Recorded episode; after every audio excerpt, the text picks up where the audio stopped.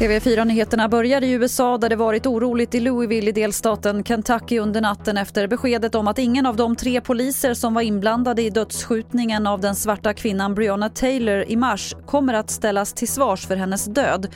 En polis kommer åtalas, men inte för dödsskjutningen utan för att ha utsatt kvinnans grannar för fara. Så till Landskrona där det har varit en kraftig explosion nu på morgonen utanför ett flerfamiljshus. Fasaden har fått skador men ingen person ska ha kommit till skada. Polisen utreder det som allmän farlig ödeläggelse men har ingen misstänkt i nuläget.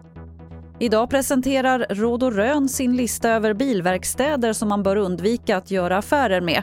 55 nya motorföretag läggs på den så kallade svarta listan för att de struntar i Allmänna reklamationsnämndens beslut.